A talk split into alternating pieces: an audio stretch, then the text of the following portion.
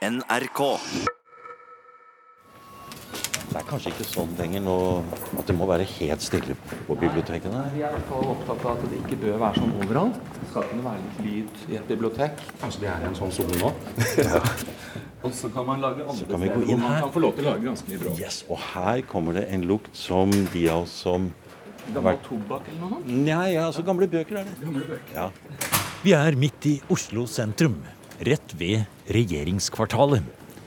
Det er konstituert biblioteksjef Knut Skansen som tar oss med rundt i Det Deichmanske bibliotek. En praktbygning med søyler og trapper, som allerede var gammeldags da den var ny. 70 av bygget her på Hammersborg er for lagring av bøker. Så dette er et veldig klassisk, gammelt bibliotek. Bygd og sto ferdig i 1933. Og egentlig var et skritt tilbake. For det forrige sentralbiblioteket, som lå i Christian Fjærs gate, der Norske Teater ligger nå, eh, det var egentlig mye mer moderne, med store lesesaler og barneavdeling og sånn. Og så klarte man å bygge dette huset på Hammersborg, som egentlig er et veldig gammeldags bibliotek. Så bare 30% er for publikum. Og når vi flytter til Bjørvika, så blir det helt motsatt. Og forandring, flytting og nye tider, det er det som alltid har preget Norges eldste bibliotek. I dette programmet skal vi tilbake til 1700-tallet. Vi skal gå høyt og lavt i magasinene på Hammersborg. Og vi skal høre om det fysiske håndverket bibliotekfaget en gang var. For Deichmans historie går tilbake til tiden før internett, før universitetet, før avisene og før alle kunne lese. Men flytte, det har Det Deichmanske bibliotek gjort mange ganger, sier Knut Skansen. Ja, han har flytta mange ganger. Det som er ganske morsomt med når vi går, flytter til Bjørvika nå om to år, i det nye eh, bygget ved siden av operaen, det er at vi flytter hjem. Vi flytter hjem til Kvadraturen og det første stedet Deichman lå når Deichman ble grunnlagt i 1785. Eh, Og så mellom det har man ligget kanskje et titalls steder rundt i byen. Før man fikk alle filialene. Og i dag er det jo filialer rundt i alle bydelene, så vi har totalt 20 bibliotek i Oslo. Som er Deichman bibliotek. La oss gå litt eh, videre bort på hjørnet her blant eh, reolene her. for Det er veldig sånn passende eh, sted å, å snakke med biblioteksjefen her, Knut. eh, Hvor vi står inne blant de gamle reolene. Og du forteller om dette bygget som de fleste forbinder med Deichman i dag. Ja. Det ble jo kritisert sønder og sammen den gangen det ble bygget. Ja, det ble jo latterliggjort, rett og slett, når det sto ferdig i 1933. Det ble kalt Trappehuset på folkemunne. Eh, Det som egentlig eh, skjedde, var at når man bygde Hammersborg, eh, så hadde jo Deichman eksistert i over 100 år allerede. Grunnlagt i 1785. Eh, hvis du går helt tilbake til 1700-tallet, så springer jo Deichman bibliotek ut av Carl Deichmans testamentariske gave til Kristiania by den gangen, som var en samling på 6000 bind. Og den samlingen det var en veldig klassisk 1700-talls boksamling, som det jo var mange av på den tiden. Eh, Han var en, det vi vi ville kalt Carl Deichman i dag, var egentlig en gründer, kanskje. Han var sønn av biskopen i Oslo. Hans far var, var kongens mann, i, i, i, eller biskopen i Kristiania, kongens mann i Norge. Og han var eh, veldig interessert i mange vitenskaper, litteratur, språk osv. Og, så og han bygde opp en samling sammen med broren sin, og faren hans var også en stor boksamler. Dette ga han til Oslo, eller Kristiania som det het. Han er jo virkelig et barn av sitt århundre, men han er jo på ingen måte en del av allmuen. Snarere tvert imot. Og biblioteket, sånn som det da eh, grunnlegges i Kristiania i 1785, er jo ikke et bibliotek for det er ikke et folkebibliotek. Det er forløperen til universitetsbiblioteket.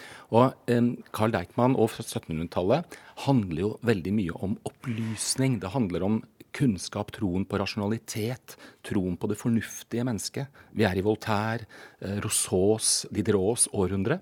Og det at han faktisk eh, testamenterer samlingen til Kristiania, er jo en direkte følge av denne troen på at hvis man får tilgang til kunnskap, så blir man opplyst, og man henter ut det gode mennesket. Vi er jo også i encyklopediens eh, århundre, og vi er i på en måte katalogenes århundre. Eh, 1700-tallet. Det er dette er jo før vi på en måte mister oversikten i moderniteten. Og den eh, troen som jeg tror egentlig disse menneskene eh, som grunnla biblioteker og lagde store boksamlinger hadde, det var jo troen på at det opplyste mennesket er godt. Og det opplyste mennesket har en lys framtid. Og jeg tror egentlig den grunntanken, den har vi fortsatt i folkebiblioteket. Den går helt fram til i dag.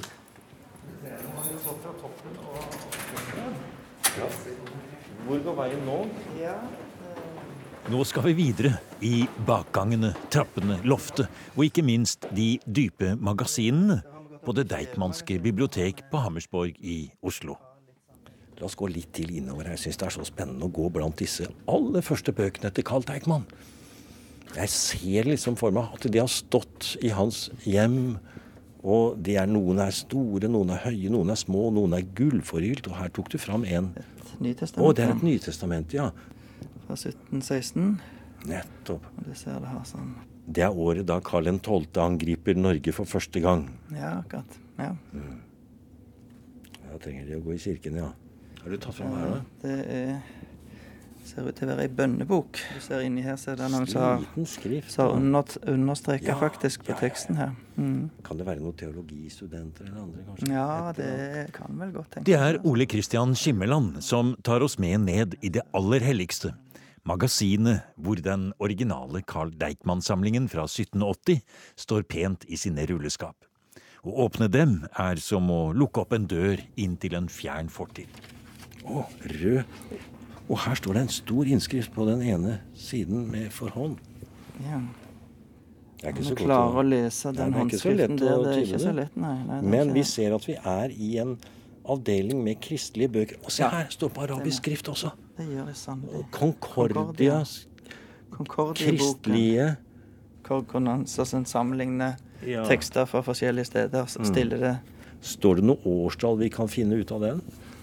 15, ja. Øh, Og 50 1580 er den fra. 1580, ja. Ha. Ja, det er jo ikke så fryktelig lenge etter trykkekunsten. For så vidt. Ja. Altså, Carl Deichman han var jo, han var jo en samler som så, så, så tenkte på kvalitet og allsidighet. Han var ikke en sånn bibliofil samler. Han, han bandt ikke inn bøkene sine spesielt fint. Det var, det var bruksbøker.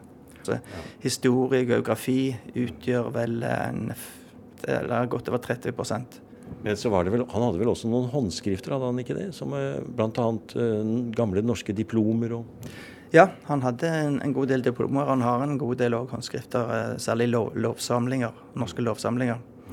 Og så har han jo håndskrifter på uh, As eh, Aslak Bolds bibel fra ca. 1250, som kanskje kroner juelen når det gjelder håndskriftene. da. Men la oss se litt på noen av de trykte tingene her. Jeg vet du har tatt fram noe her nå, Ole. Nå skal vi se litt på Ja, altså Og her har jeg trukket fram ei bok om nettopp gruvedrift. Og det er ikke en veldig flott bok, som du sier sånn. Nei. Eh, Den Nei. er egentlig nokså Nokså anonymt innbundet innbundet i, i, i pergament. Og så når man åpner det, så kommer det en ex libris. Ja. Se det. Det må jo selvfølgelig være Carl Deichman, det. Det er Carl Deichman, men den er av ny dato. Carl Deichman sjøl eh, skrev ikke navnet i bøkene. Enkelte bøker så skrev han eh, en D med en, eh, en eh, oransje blyant, som regel, på forsatsbladet. Det var det, det var det eneste, men som regel ikke, faktisk.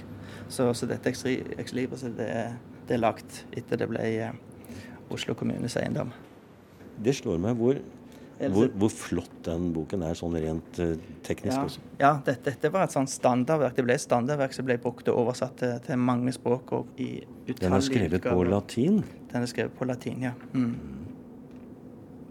Så det var jo da et språk som Bleikmann da selvsagt eh, kunne lese. Han, han ble, fikk opplæring i latin og kunne lese, selvsagt. Det er ca. En, eh, en tredjedel av, eh, av samlingen er på latin, faktisk. Er det du sier? Og når jeg tenker da på borgerskapet i Kristiania, som kommer til denne nye, flotte samlingen på 6000 bind, og skriver seg høytidelig inn i protokollen, og tar ut bindet, så er det altså kanskje på latin, eller på tysk. Ja. En fjerdedel var vel på tysk, sånn cirka. Og, og, eller ja, cirka en fjerdedel på tysk og sånn cirka det samme på dansk. For når vi snakker om at folk ikke alle kunne lese på denne tiden, så må vi jo da fort også legge til at men det vi snakker om, er å lese på latin og tysk og forstå innholdet i bøkene. Ja, ikke sant. Ja. Så, så det var jo ikke, det var ikke for hvem som helst, altså. For det vi har her, det er Tycho Brahes Astronomie mechanica tycho brahe. Så morsomt. Og det er farver. Det er farver. Den er, den er håndkolorert, ja. ja. Mm. Det var jo ei, ei bok som Tycho Brahe fikk lagd for å promotere seg sjøl. Han mista sin museen i, i, Danmark, så han måtte flytte og miste observatoriet sitt. Og da lagde han dette, denne boka her sjøl. Med, altså. med, bilder oh, av, av, av, uh, sine instrumenter. Ja, den er, jo, fullt av flotte fargeillustrasjoner. Ja, voldsomt sterke farger òg. Noen sier de kanskje litt grelle, men, uh, men jeg syns de er flotte. for så vidt. Mm. For en mm. flott uh, bok, altså. Så har jeg tatt med en annen her òg som er, er ganske tungt, tungt lesestoff. Det er Isaac Newton. Wow. Isaac selveste Newton, ja. Selveste Newton, ja. Og igjen så ser vi, Den ligger inni en flott liten kassett, den her. For den er eh, tas spesielt godt vare på. Men når den kommer ut, så er det et hvitt, ganske nær sagt skittent uh, smussbind. Uh, ja, det, ja. det, det er et typisk Karl Egman-bind, for å si det sånn. Det, det er ingenting spesielt. De, de, få, de, få, bøkene som er fint innbundet, det er stort sett bøker han har kjøpt fra andre ferdig innbundet. For sånn, han, På den tiden når han kjøpte bøker, så kjøpte han de ofte uinnbundet, og så bandt han de inn sjøl. Så da valgte han, valgte en bind. Så det han har av, av fine bind, det er sånn som han har kjøpt fra andre samlere som har vært bundet inn før. Det er ganske interessant, fordi at han kjøpte altså ikke bøker som skulle stå i en bokhylle. Han kjøpte bøker som han skulle ta ut og inn, lese i, ha med seg i en uh, reisekoffert. Ja. Eh, bruke, rett og slett. Ja, ja. Han var jo voldsomt moderne i, i, i, uh, i, forhold til en katalog.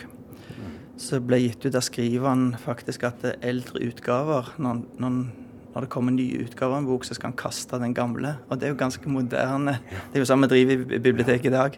Med mindre de har historisk interesse eller de har et bestemt innhold som ikke er med den nye. Det skriver han faktisk på, på 1700-tallet. Det, det, er ganske imponerende. altså. Ja. Så han var, han var en, en, eh, en framsynt, og, og, og, han hadde et bibliotek som var et bruksbibliotek. altså Det var ikke noe stas, statsbibliotek. altså. Nei. La oss se litt på Newton. Ja. Den er jo òg på latin. Eh, Finner vi den røde D-en til Deichman her, da? Nei, jeg tror faktisk ikke det. Skal vi se Ser du på Nei. baksiden her? Nei, han skrev det, han skrev det på, på forsatsbladet, aldri, mm. aldri inni. Aldri, ja. og, og, hvis han gjorde notater i bok, i en del bøker, så, så når han bandt inn, så kunne han legge til noen ekstra blanke ark, sånn at han kunne skrive notater. For han ville ikke skrive inni, inni selve boken. Nei. Han har for stor respekt for ja, boken. Ja, ja. Mm. Kan vi se på tittelbladet her, da. Dette er jo da filosofi naturalis principia det er ingen tvil om at vi kunne begravd oss her i ukevis og bare latt Ole Christian Skimmeland ta fram den ene verdifulle boken etter den andre. Men så langt hadde vi kanskje ikke kommet, siden de fleste bøkene i Deichmans originale samling er på latin, gresk og tysk, og noen få på dansk og engelsk extra deis dentis. Ja. Eh, kanskje ikke vår latin er like god som Deichmans? Nei, jeg eh, må jo innrømme at jeg er lite lesekyndig på, på latin, så jeg skal ikke skal Og siden samlingen var så teknisk, religiøst og vitenskapelig orientert, gikk jo utlånet ganske tydelig nedover utover på midten av 1800-tallet, sier Knut Skansen. For det kom konkurrenter, private bokhandlere, som leide ut bøker og tok innersvingen på Deichman. Ja, de gjør på en måte det. Og det som er det pussige, er at uh, altså, bøker var jo dyrt. Uh, men vi må huske på at, at uh, en bok kunne koste like mye som mange, mange kilo kjøtt og mat for lang tid. Altså det, er, det, er, på en måte ting som folk ikke hadde råd til å kjøpe. Men hva skjer da? Jo, da leier man det selvfølgelig ut. Så eh, man fikk ut, utleiebibliotek. Og utover på slutten av 1800-tallet så samlet de seg opp bl.a. på Karl Johan. Og det var ofte eh, eldre enslige kvinner som drev disse og eide disse bibliotekene, utleiebibliotekene. Det går nok også en linje tilbake til salongene på 1700-tallet og, og det, den måten man brukte litteratur på, på, den tiden. Men det som er interessant, er at disse utleiebibliotekene, som jo er kommersielle, de har en profil på samlingene sine som er brukssamlinger. Altså det vi i dag ville kalt et folkebibliotek. Um, og det er uh, føljetongromaner, det er de store klassikerne. Uh, og etter hvert uh, det vi kjenner som Dickens, Victor Hugo og alle disse store, egentlig kommersielle navnene på den tiden, som, som, går. Og de oversettes i store oversetterfabrikker i Tyskland til norsk og, og lånes ut. Det som um, skjer da på århundreskiftet rundt 1900, når eh, Håkon Nyhus overtar som biblioteksjef på Deichman, det er at han utrolig nok får lov til å kjøpe det opp. Han kjøper opp og sånn sett eliminerer hele utleie-bibliotekvesenet i Oslo eh, og innlemmer det i Deichmans samlinger. Og det som skjer da, er at Deichmans samlinger plutselig går fra å være i stor grad akademiske samlinger til å bli eh, skjønnlitterære brukssamlinger. Og det som jo da skjer, det er at utlånet eksploderer. Så hvis du ser på statistikken fra rundt 1890 og utover, så er det sånne eksponentielle kurver som bare skyter i været. For da har folk både tid, og man har riktig eh, type utvalg i sammenhengene. Var det, det var, disse heisene var vel ikke her eh, da starta alt her? Eller var de her på 30-tallet? Eh, jo, heisene har nok vært her. Ja. Og det var også, der er fremdeles òg bokheiser. Men de har ikke vært i drift på mange år. Men, eh, men det er syv etasjer med, med, magasiner. Og som du ser, så, så, så går oh, ja, det går gjennom gulvet. Gjennom, går ja. helt, så de går helt ned på bakken for å, for å ta vekk vekt på den enkelte etasjen. Utover på 1900-tallet blir bibliotek noe moderne og framtidsrettet. Det blir biblioteklov og folkebibliotek, og publikum strømmer til som aldri før. Og Deichman fikk på 1930-tallet sitt nye men gammeldagse hus på Hammersborg. Vi blir med Ole Kristian Skimmeland og Jørn Johansen en tur bak kulissene i bygget som bøkene snart skal flytte fra. Nå er vi på toppen. Nå er vi, er vi helt øverst, ja. Og her, ja. Og her er et flott vindu vi kan se ut gjennom bakgården her. Og så ser vi inn på kirkegården. Vi ser jo inn på da æres, den første militære æreskirkegård i eh, Norge som ligger her. Som vi kan se ut av vinduet. Ja, Kristkirkegården. Fantastisk. Ja, og Den strakte seg òg ned på andre siden av, eh, av, veien her. Og var mye større. Ja. Mm. Det er en sånn bortgjemt perle som ikke så mange kanskje kjenner til. altså. Ja, jeg vil, jeg vil tro det, altså. Og så ser vi òg kolonnaden den, med de greske søylene, da. Så egentlig var jo planen at det, det skulle bygges på i, når bygget ble, ble, ferdigstilt, så var det planen at en skulle senere bygge ut. Og det var jo òg i debatten når, når et nytt hovedbibliotek ble diskutert. Jeg tror vel Jan Erik Vold f.eks. var en av de som så sterkt gikk inn for at det, dette biblioteket på Hammersborg skulle bygges ut og bli, bli et større bibliotek. Ja. Og ikke flytte det. Mm. Ja. Det er den rene Bislett-diskusjonen. Ja. ja. det er jammen et flott bygg. Altså, tenker du på det noen ganger, at, at dette med å forlate bygget? Ja, som jeg har jobba i, i, i, en del år, har jo opplevd mye med heiser som står og, ja. Og dører som ikke går igjen fordi at huset beveger seg, og, og mange problemer kaldt om vinteren osv. Ja. Men vi er jo fryktelig glad i dette bygget. Det er jo meget spesielt. Så det ja. blir, det blir også trist å forlate dette, dette huset. Det er ikke tvil om. Og så er det kanskje ikke så bra for bøkene, dette bygget?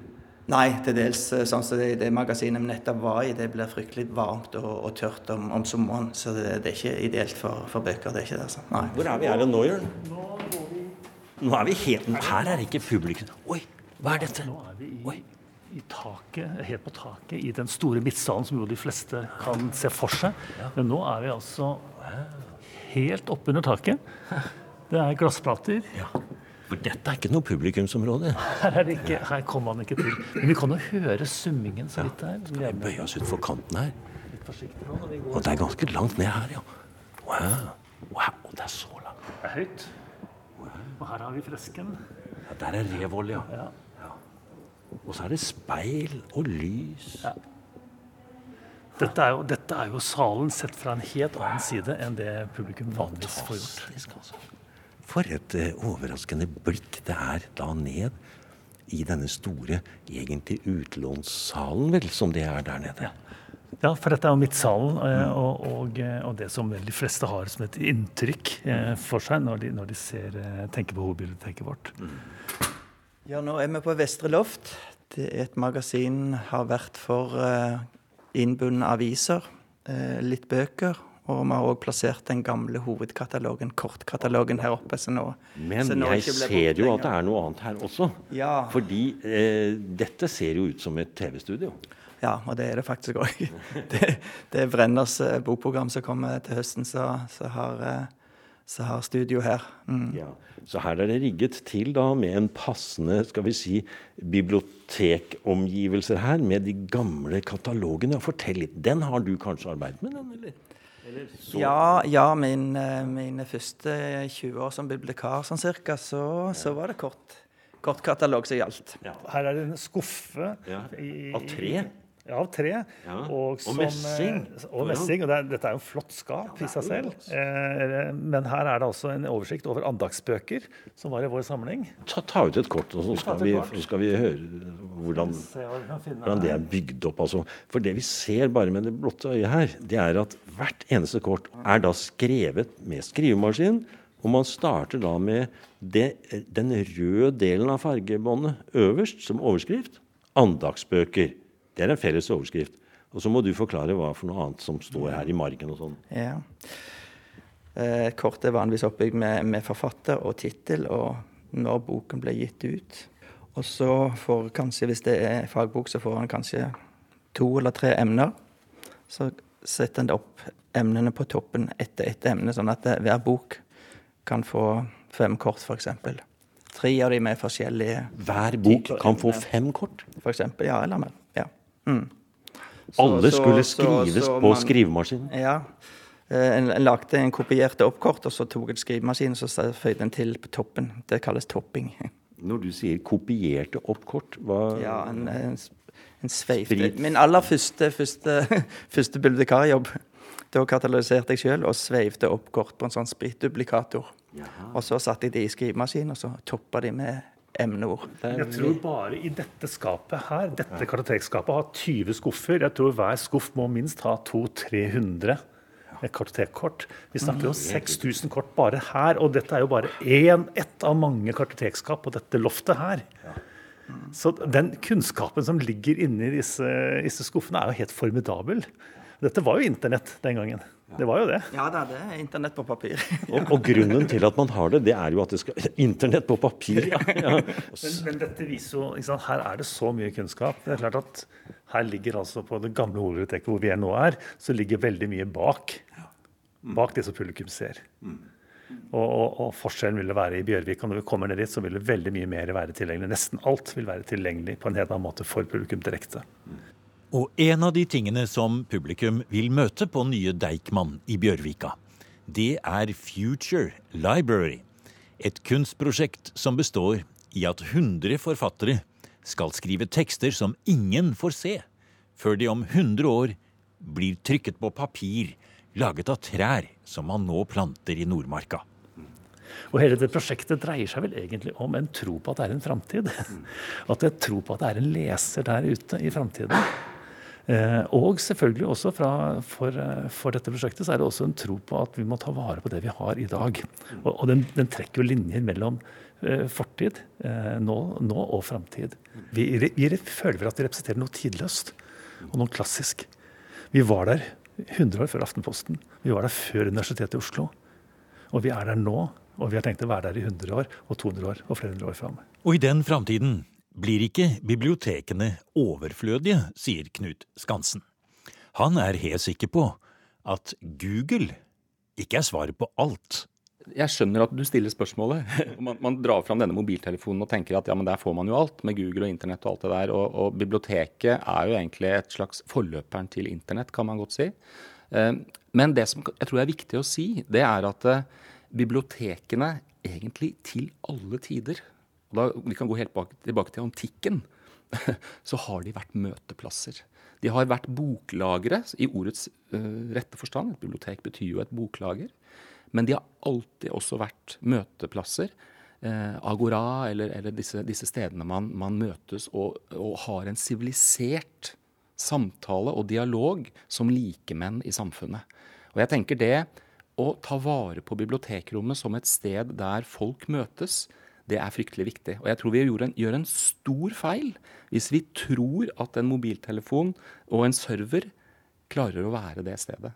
Vi må fortsatt ha fysiske rom, for vi er fysiske mennesker, da, inntil videre i hvert fall. Så vi, vi, vi, lever i en fysisk verden. Og jeg tror det møtet som skjer mellom mennesker i biblioteket, er akkurat like viktig som møtet mellom menneskene og bøkene i biblioteket. Og det er veldig mange mennesker som kommer til biblioteket for å møte andre mennesker, og ikke for å møte bøker. Men så pusher vi på de bøker i tillegg. Så jeg tenker altså, hvis vi tar visjonen til Deichman sånn som den er i dag, og den er som følger et samfunn hvor alle føler tilhørighet, eierskap og engasjement for fellesskap og eget liv. Det kunne vært en visjon lagd på 1700-tallet også, tenker jeg. Og når vi bygger et nytt um, hovedbibliotek i Bjørvika, som åpner om to år, så er det nettopp et sånt møtepunkt, et stort, stort rom for mennesker, der bøkene fortsatt er med, men de får ikke lov til å definere rommet og ta all plassen, sånn som de gjør her på Gamle Hammersborg, hvor bare 30% av bygget er for publikum. I Bjørvika er det 30% av bygget for bøkene og 70% for publikum. Du har nå hørt en podkast av programmet Museum fra NRK P2.